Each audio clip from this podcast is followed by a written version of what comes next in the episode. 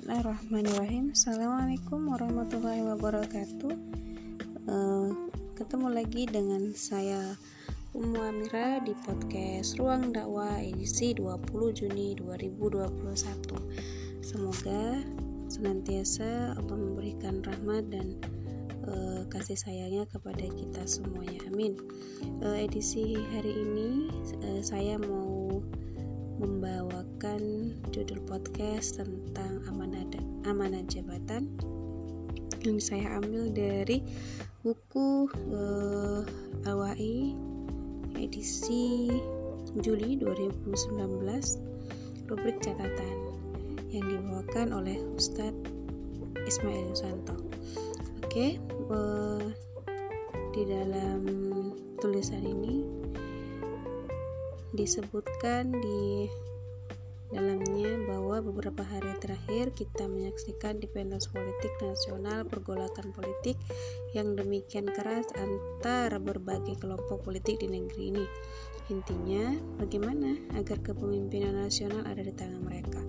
Dalam diri manusia, secara fitri memang terdapat apa yang disebut gorizatul bako. Ya, salah satu manifestasi adalah keinginan untuk berkuasa, menduduki jabatan dan memiliki pengaruh di tengah-tengah masyarakat.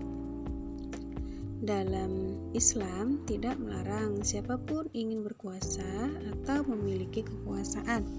Islam pun memandang wajar terjadinya pergolakan yang menyertai proses-proses politik ke arah sana. Masalahnya, bagaimana cara kekuasaan itu didapat serta dalam kerangka apa kekuasaan itu diraih? Nah, eh, kita belajar dari sahabat terkemuka termasuk Khalifah Abu Bakar radhiyallahu anhu eh, sepakat mengusulkan bahwa Umar bin Khattab menggantikan dirinya yang sudah sakit-sakitan. Dari segala segi, Umarlah figur yang pantas untuk menjadi khalifah berikutnya. Namun bukan berarti uh, Umar bin Khattab gembira ya mendengar pencalonan itu. Umar justru malah keras untuk menantang. Dia malah mengatakan, apakah mereka semua akan menjerumuskan dirinya ke dalam neraka? Nah, mengapa Umar telah mendapatkan dukungan bulat dari para sahabat ya tidak begitu e, menerima jabatan yang demikian tinggi? Nah, dari sinilah Umar sangat menyadari bahwa jabatan bukanlah tempat empuk untuk meraup ketenaran, kekuasaan, harta, apalagi wanita. Jabatan dalam pandangan Umar, sebagaimana pesan Nabi Shallallahu Alaihi Wasallam kepada Abu Zar, adalah amanah ya wa innaha amanah yang akan dipertanggungjawabkan di hadapan Allah Subhanahu wa taala di akhirat kelak. Dengan kata lain, jabatan sesungguhnya adalah beban. Jadi, jabatan itu tidak didapat dengan cara yang benar dan tidak ditunaikan dengan sebaik-baiknya, ia akan membawa pada kehinaan dan penyesalan. Ya, jadi bagaimana mungkin ada beban berat yang akan menindih justru membuat orang bergembira? Nah, dari sini pula Umar uh, bisa dimengerti ya kenapa dia tidak lantas menerima begitu saja tawaran menjadi pemimpin. Malah Umar menilai para sahabat seolah ingin menjurumuskan dirinya ke dalam neraka karena memberikan beban yang sangat berat pada dirinya. Nah, bukan kali itu saja Umar menolak jabatan yang ditawarkan. Di Sakifah Bani Sa'idah, ketika kaum muhajirin dan ansor berembuk tentang siapa yang akan menjadi pemimpin sepeninggal Rasulullah, Umar menjagokan Abu Bakar. Abu Bakar justru menjagokan Umar. Walhasil, dua orang ini saling mengunggulkan untuk menjadi khalifah. Nah, di sini artinya kedua keduanya ya memang menyadari bahwa jabatan itu adalah beban yang sangat berat, pertanggungjawabannya sehingga tidak layak untuk diperebutkan. Nah, e, sejarah pun akhirnya mencatat bahwa Umar bin Khattab memang bersedia menjadi atau menerima jabatan khalifah menggantikan Abu Bakar As-Siddiq. Nah, sejarah juga mencatat ya bahwa Umar benar-benar menjalankan kepemimpinannya dengan sangat baik.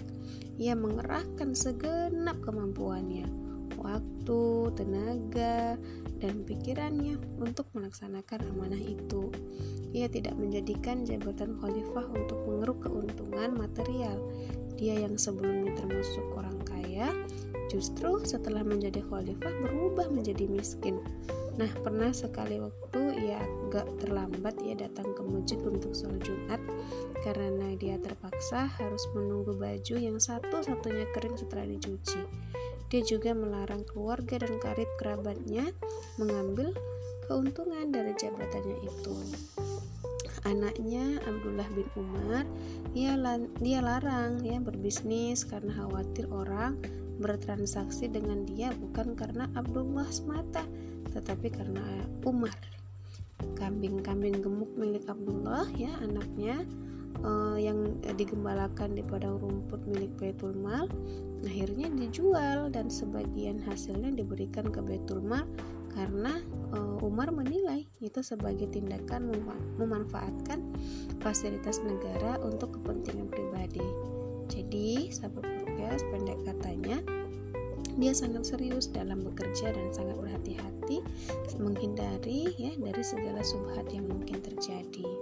Nah, menghayati beratnya tugas sebagai khalifah, suatu ketika dia pernah berkata, tidak mungkin jabatan khalifah ini dapat dipikul kecuali oleh orang yang tidak mudah dirayu dan ditundukkan orang lain, yang tidak mempunyai kepentingan pribadi, yang tidak berkata kecuali dibuktikan oleh perbuatannya dan menghukum dengan adil. Kehidupan para sahabat Muhammad Yusuf Al-Kadahlawi. Demikianlah Mbah Umar ya, bin Umar bin Khattab.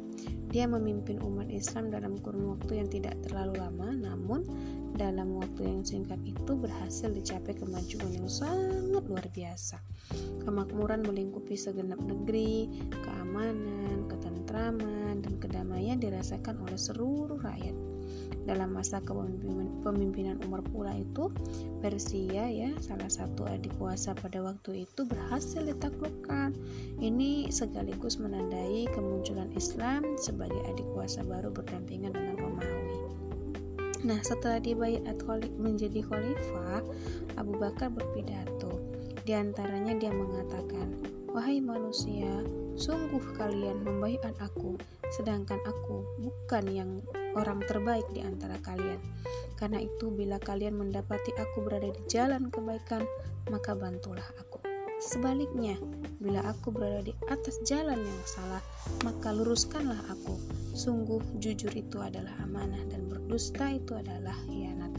Taatilah aku selama aku taat kepada Allah dan Rasulnya Namun bila aku melanggar Allah dan Rasulnya Janganlah kalian menaati aku Ini tertulis dalam um, buku Al-Bidayah halaman 248 nah dari pidatonya itu maka tampaklah Khalifah Abu Bakar sangat menyadari bahwa ada satu misi utama yang serius ya yang harus ia emban yakni pelaksanaan syariah sebagai wujud nyata dari ketaatan pada Allah dan Rasulnya nah inilah ya eh, hal kedua yang penting dia perhatikan untuk kepentingan atau tujuan apa ya jabatan itu didapat. Nah, dalam Islam, kepemimpinan itu tidak lain adalah untuk menyukseskan pelaksanaan syariah dalam masyarakat. Nah, pelaksanaan syariah itu memang memerlukan kepemimpinan. Kepemimpinan tanpa syariah akan kehilangan arah. Syariah tanpa kepemimpinan akan berhenti menjadi sekedar teori tanpa implikasi. Karena itulah Abu Bakar mengingatkan orang-orang yang hadir ketika itu untuk menaati dirinya sepanjang ia menaati syariah. Dari sini menjadi sangat jelas bahwa pertanggungjawaban jawaban e, jabatan nantinya di akhirat terkait dengan dua hal. Yang pertama, untuk apa jabatan itu diemban? apakah untuk melaksanakan ketaatan kepada Allah atau bukan. Nah, yang kedua, bagaimana jabatan itu didapat dan dilaksanakan? Apakah dengan cara yang hak atau dilaksanakan dengan penuh amanah atau justru untuk berbuat kecurangan? Nah, jikalah memenuhi dua aspek ini, jabatan akan membawa berkah ya buat yang bersangkutan. Juga buat masyarakat luas. Jadi, kalau tidak, jabatan itu justru akan membawa petaka baik di dunia maupun di akhirat.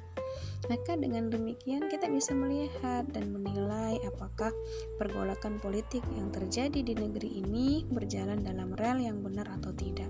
Boleh saja orang bercita-cita untuk memegang jabatan tertentu dalam pemerintahan, tapi jika itu tidak dalam kerangka ketaatan kepada Allah dan diniatkan untuk menarik keuntungan pribadi, apalagi didapat dengan cara yang curang, pasti jabatan itu mencelakakan yang bersangkutan, termasuk yang ngotot yang mempertahankan, mempertahankan jabatan.